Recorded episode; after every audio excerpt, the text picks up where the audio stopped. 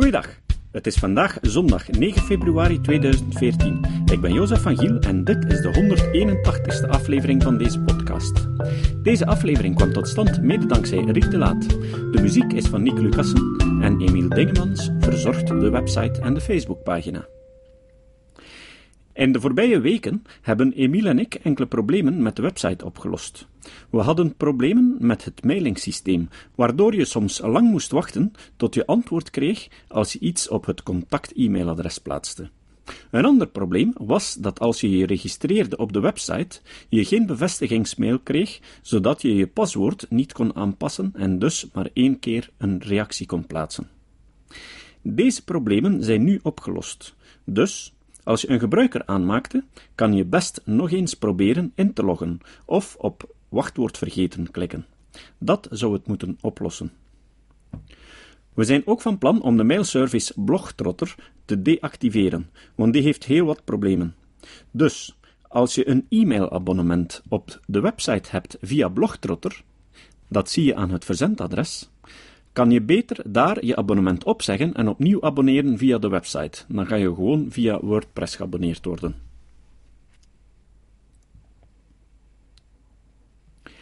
Vandaag bespreken we magnetische omkeringen en evolutionaire sprongen.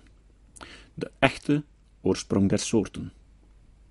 Ik schreef deze boekbespreking oorspronkelijk in een verkorte vorm voor Wonder en is geen wonder, het tijdschrift van Skep. Tijdens een discussie over innovatie wierp iemand op dat veel van het innovatieproces te vergelijken is met Darwins theorieën. Of dat waar is of niet, laat ik even in het midden. Waarbij het mutatie- en voortplantingsproces zich voordoet omdat men ideeën van anderen kopieert en recombineert tot nieuwe. De marktwerking staat voor het selectieproces. Die zorgt ervoor dat slechte ideeën verdwijnen en goede ideeën gretig gekopieerd worden, omdat ze goed verkopen. Toen wierp een goede vriend van me en succesvolle ondernemer tot ieders verbazing de opmerking op tafel: Ja, maar is die theorie wel juist? Er bestaat toch niet zoiets als een halve vleugel? Dat is ondertussen al meer dan twee jaar geleden en ik herinner me niet meer helemaal hoe de discussie verder verliep. Maar korte tijd later gaf hij me een boek met het korte commentaar: Hier, lees dit eens en weet me te vertellen wat je ervan denkt. Als goede scepticus met een open geest heb ik dat boek dus aangenomen, beloofd dat ik het zou lezen en hem mijn conclusies erover opsturen, maar dat het eventjes zou duren. Het heeft een jaar geduurd eer het boek uitgelezen was. Nochtans telde het slechts 166 bladzijden en is het in een groot lettertype geschreven. Maar tijdens dat lezen heb ik toch wel respect gekregen voor al die redactieleden van sceptische tijdschriften die de moeite nemen om boeken vol onzin te lezen terwille van een recensie. Nadat het was uitgelezen, was het opnieuw heel lastig om mijn commentaar te schrijven. Scepticisme rijmt op masochisme. Volgens Daniel Kahneman doet cognitieve dissonantie fysiek pijn. Als je echt wil weten hoe cognitieve dissonantie aanvoelt, moet je ook maar eens zo'n boek lezen. In ieder geval, nu ik er mij toch heb doorgeworsteld, deel ik mijn bevindingen met jullie. Dat bespaart jullie het lezen van dit boek. Nochtans heeft de auteur, Robert W. Felix, zijn huiswerk gemaakt. Tenminste, als je zijn indrukwekkende lijst referenties erop naleest en als je nagaat hoeveel verschillende wetenschappelijke disciplines hij opsomt om zijn gelijk te halen. Dat maakt het de scepticus soms knap lastig om zijn standpunt te ontkrachten. Als je het internet afzoekt naar zijn naam, kom je al gauw terecht op Rational Wiki, dat hem beschrijft als een extraordinaire gek die zijn eigen merk van aardse veranderingen promoot, dat hij als een passepartout gebruikt voor allerlei andere onzin. Al zijn theorieën draaien rond de omkering van de aardse magnetische polen. Hij schreef ook een boek waarin hij door middel van dezelfde theorie beweert dat we niet op weg zijn naar een opwarming van de aarde, maar wel naar een nieuwe ijstijd, als gevolg van, je raadt het al, de omkering van de polen. Darwin had het mis. Magnetische omkeringen begint met, wat dacht je? Met argumenten op te sommen waarom de theorie van Darwin verkeerd is.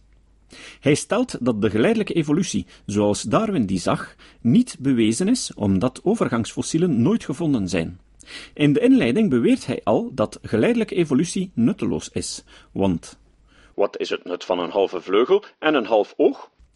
Het is me niet helemaal duidelijk of hij over de oorsprong der soorten heeft gelezen, dan wel of hij bewust misbruik maakt van misconcepties over de evolutie.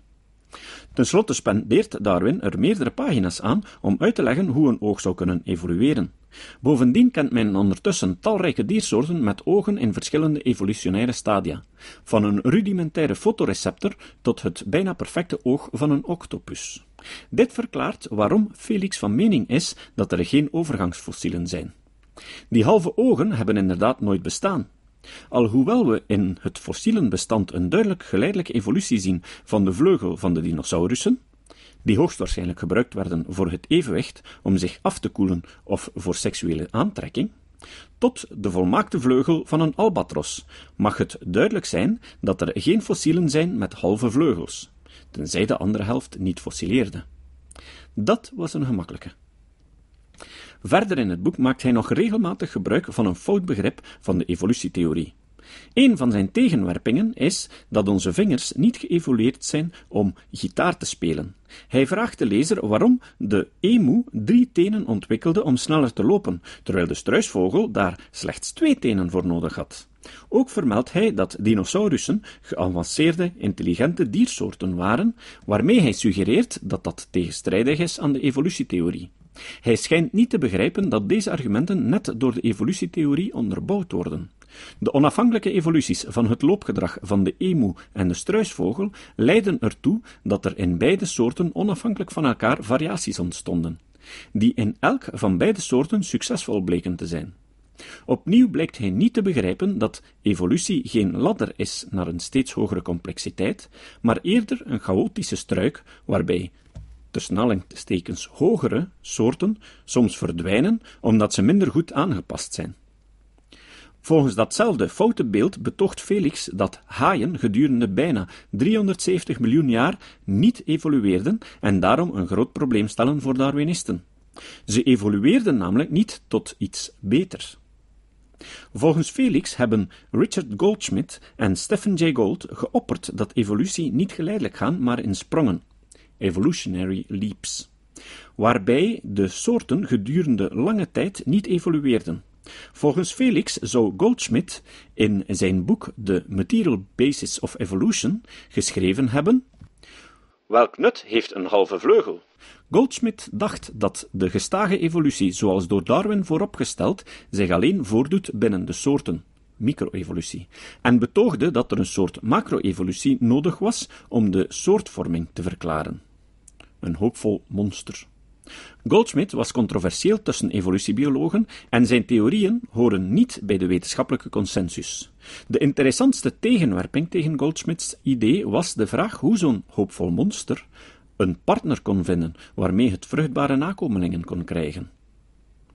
In zijn betoog probeert Felix aan te tonen dat soorten plots ontstaan. Hiervoor haalt hij Stephen Jay Gould's theorie van punctuated equilibrium aan. Wat Felix er echter niet bij vertelt, is dat de term plots bij Gold moet geïnterpreteerd worden op een geologische schaal. Met plots bedoelde Gold enkele tienduizenden jaren. Stephen Jay Gould is waarschijnlijk de evolutiebioloog die het vaakst fout geciteerd wordt door creationisten. Ook haalt Felix de klassieker van de Cambrische explosie aan, waar opnieuw plots uit het niets miljoenen soorten ontstaan. Ook hier moet het woord explosie begrepen worden in geologische context. Die explosie nam toch wel zo'n 10 miljoen jaar in beslag. Bij het begin van het Cambrium ontstonden er soorten met een skelet. Deze strategie bleek zo succesvol dat deze soorten al snel een dominante rol gingen innemen. Bovendien moet de explosie ook gezien worden in het kader van het fossielenarchief. Skeletten fossileren nu eenmaal beter dan weken delen, zodat er vanaf het Cambrium plots veel meer fossielen te vinden zijn, maar niet omdat er daarvoor geen leven was. In de volgende hoofdstukken geeft Felix een opsomming van allerlei soorten waarvoor het fossielenarchief geen evolutionaire lijn zou geven, onder andere kikkers, salamanders, brontosaurussen. Volgens hem zou Robert T. Baker beweerd hebben dat er geen overgangsfossielen voor dinosaurussen bestaan. Baker stelde dat de evolutie van dinosaurussen snel gegaan was, wat hij gebruikt om te argumenteren dat ze warmbloedig waren, niet dat ze daar plots stonden. Op een leek die al deze gelobberde paleontologen niet kent, maken dergelijke argumenten natuurlijk indruk. Hij beweert dat allerlei soorten, zoals paarden, bevers, lemmings, vossen, mammoeten, etc., pas tijdens de laatste 2 miljoen jaar verschenen zonder tijd om te evolueren. De mens bestaat 200.000 jaar zonder enig bewijs van evolutie. Ook dit wordt met Gold geargumenteerd. Ik zal hier niet op ingaan, maar de geïnteresseerde kan de tegenargumenten gemakkelijk vinden op talkorigins.org. Hij stelt aan de lezer ook de vraag of het niet eigenaardig is dat steeds weer ongeveer hetzelfde aantal nieuwe soorten de oude vervangt. Maar dat verschijnsel wordt door evolutietheorie verklaard en door Darwin in Over het ontstaan der soorten de economie van de natuur genoemd. Economy of Nature. De juiste evolutietheorie. De tussen aanhalingstekens theorie, die Felix daartegenover stelt, is eigenlijk geen theorie. Op regelmatige tijden keren de magnetische polen van de aarde om en volgens Felix zorgt het ervoor dat het aardsmagnetisme gedurende een tijd uitvalt. Hierdoor krijgt de aarde een onevenredig grote hoeveelheid radioactieve straling van de zon te verduren en deze straling zorgt voor een verhoogd aantal mutaties en extincties bij levende organismen, waardoor plots totaal nieuwe soorten ontstaan. Volg je nog? Volgens Felix zijn mutaties dus wel degelijk de motor van de evolutie van de diersoorten, waardoor nieuwe soorten evolueren uit vorige soorten. Alleen zegt hij dat er een periode is waarin deze evolutie zich versneld voordoet. Hij legt niet uit waarom bepaalde mutaties overleven en andere niet. Dat doet Darwin wel. Hij gebruikt weer allerlei argumenten om te, tussen bewijzen dat hij gelijk heeft. Zo is de wetenschappelijke consensus rond de verhoogde hoeveelheid iridium in de kleilagen van de KT-grens, de theorie van Luis Alvarez over de impact van een meteoriet. Maar volgens Felix is dit het gevolg van, ja, juist geraden, een magnetische omkering. Tijdens zo'n omkering wordt de atmosfeer bestraald, waardoor er allerlei nieuwe stoffen ontstaan. Dit standpunt beargumenteert hij met een halve waarheid. Hij zegt dat we weten dat koolstof 14 op die manier ontstaat, wat juist is. Door kosmische straling van stikstof wordt koolstof 14 gevormd. Maar kosmische straling is afkomstig van hoogenergetische astronomische verschijnselen zoals supernova's en niet van de zon. Hij lijkt niet het verschil te maken tussen kosmische straling en de zonnewind. De energie van de deeltjes uit de zonnewind is veel te laag om een kernreactie uit te lokken. Wat zonnewind doet, is luchtdeeltjes ioniseren, een elektron in een hogere energie brengen. Dat kan zorgen voor het spektakel dat we noorderlicht noemen. Storing van radiocommunicatie, beschadiging van elektronische apparatuur, vooral in satellieten, en schade aan het DNA van levende organismen. Maar niet voor de vorming van koolstof 14. Bovendien blijkt hij het niet nodig te vinden om een onderscheid te maken tussen radioactieve straling en elektromagnetische straling en vergeet hij dat de deeltjes in de zonnewind geïoniseerd zijn, niet noodzakelijk radioactief. Maar dat komt hem beter uit voor zijn betoog, want nu kan hij ook beweren dat het KT-iridium ontstaan is door kosmische straling tijdens een magnetische omkering en niet uit de ruimte kwam als gevolg van een meteorietinslag. Ook de lagen van allerlei andere materialen passen wonderwel binnen zijn theorie. Kortom, Alvarez zou zijn Nobelprijs aan Felix moeten doorgeven. Verder beweert hij ook dat de Tunguska-ontploffing in 1908 evenmin het gevolg was van een meteoriet, maar van, jawel, een plotse, lokale verandering in het aardmagnetisme die zorgde voor een hoge productie van radioactief koolstof 14 in de atmosfeer, wat op zijn beurt voor een nucleaire explosie zorgde. Dat er een nucleaire reactie was, onderbouwt hij met het feit dat er in de buurt uranium gevonden werd. Blijkbaar weet hij ook niet dat uranium een grondstof is voor een nucleaire reactie en geen residu. En zeker niet van een hoogst onwaarschijnlijke reactie met koolstof 14. Is dit geen argument van specifiek pleiten? Op het gebied van de vorming van koolstof maakt hij het nog bonter, want dat kosmisch gevormde koolstof wordt aardolie en steenkool. Dat je daarvoor enkele complexe, niet nader verklaarde chemische reacties nodig hebt, blijkt hij bijzaak te vinden.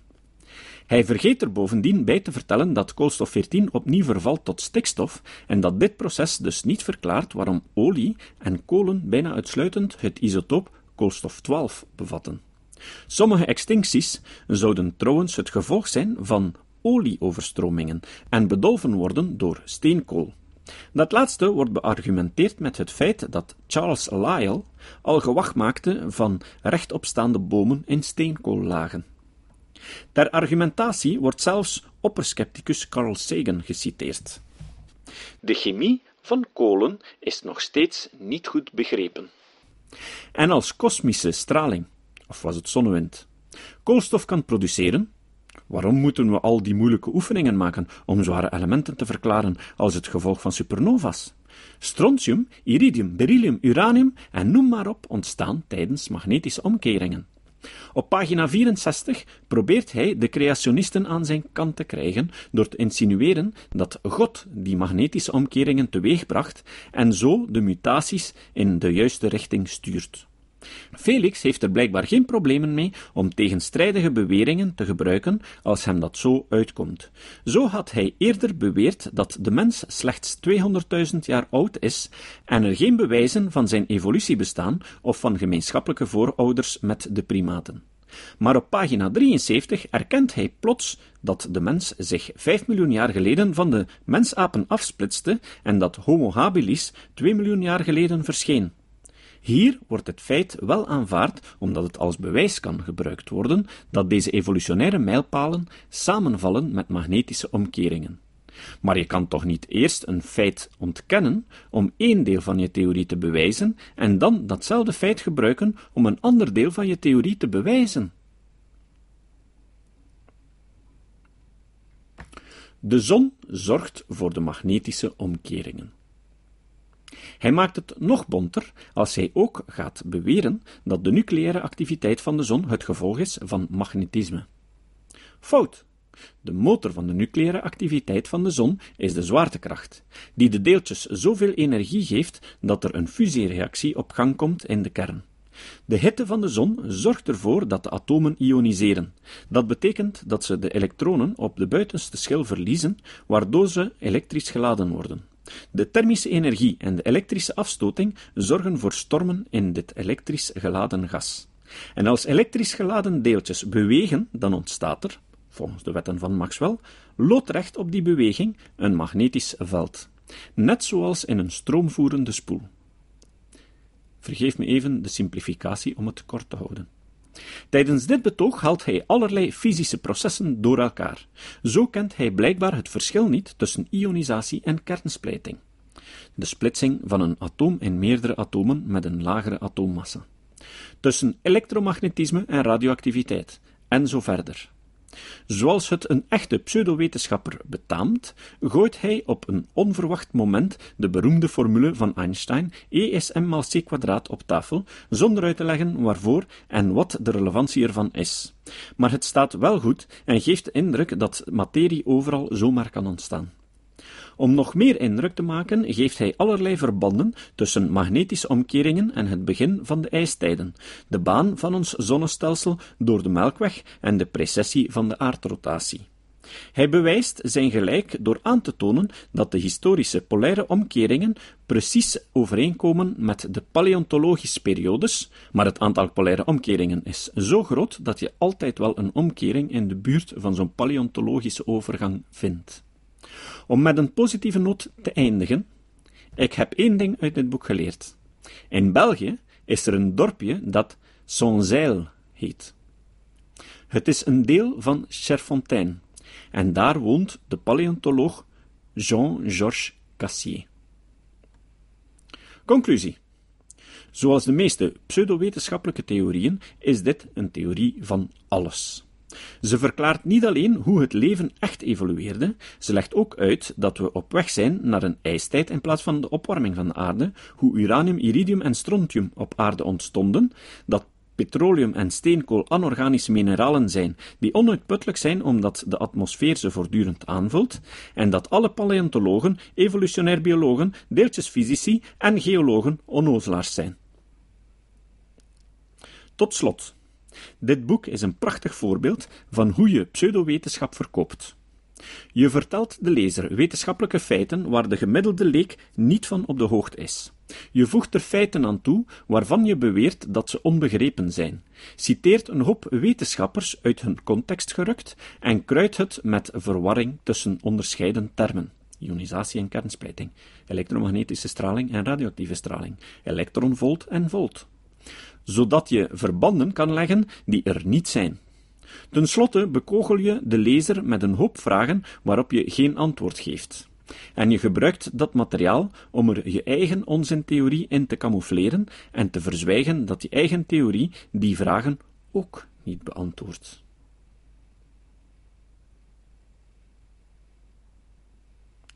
Het citaat. Het citaat van vandaag komt van Kevin Verstrepen, een medewerker van het Centrum voor Microbiologie van de Universiteit van Leuven.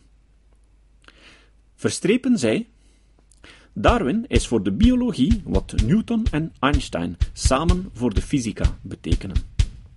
Tot de volgende keer. Dit was de podcast Kritisch Denken. Vergeet niet om alles kritisch te behandelen, ook deze podcast. Voor verdere informatie over deze podcast, links en voor de tekst, surf naar www.kritischdenken.info. Als je deze podcast belangrijk vindt, kun je me steunen door anderen warm te maken ook eens te luisteren. Stuur een e-mail naar vrienden met een link naar de website en plaats de link in de handtekening van je e-mails. Tevens kun je op iTunes deze podcast een beoordeling geven of een recensie schrijven. Of je kan op je eigen website of blog een link naar kritisch denken plaatsen.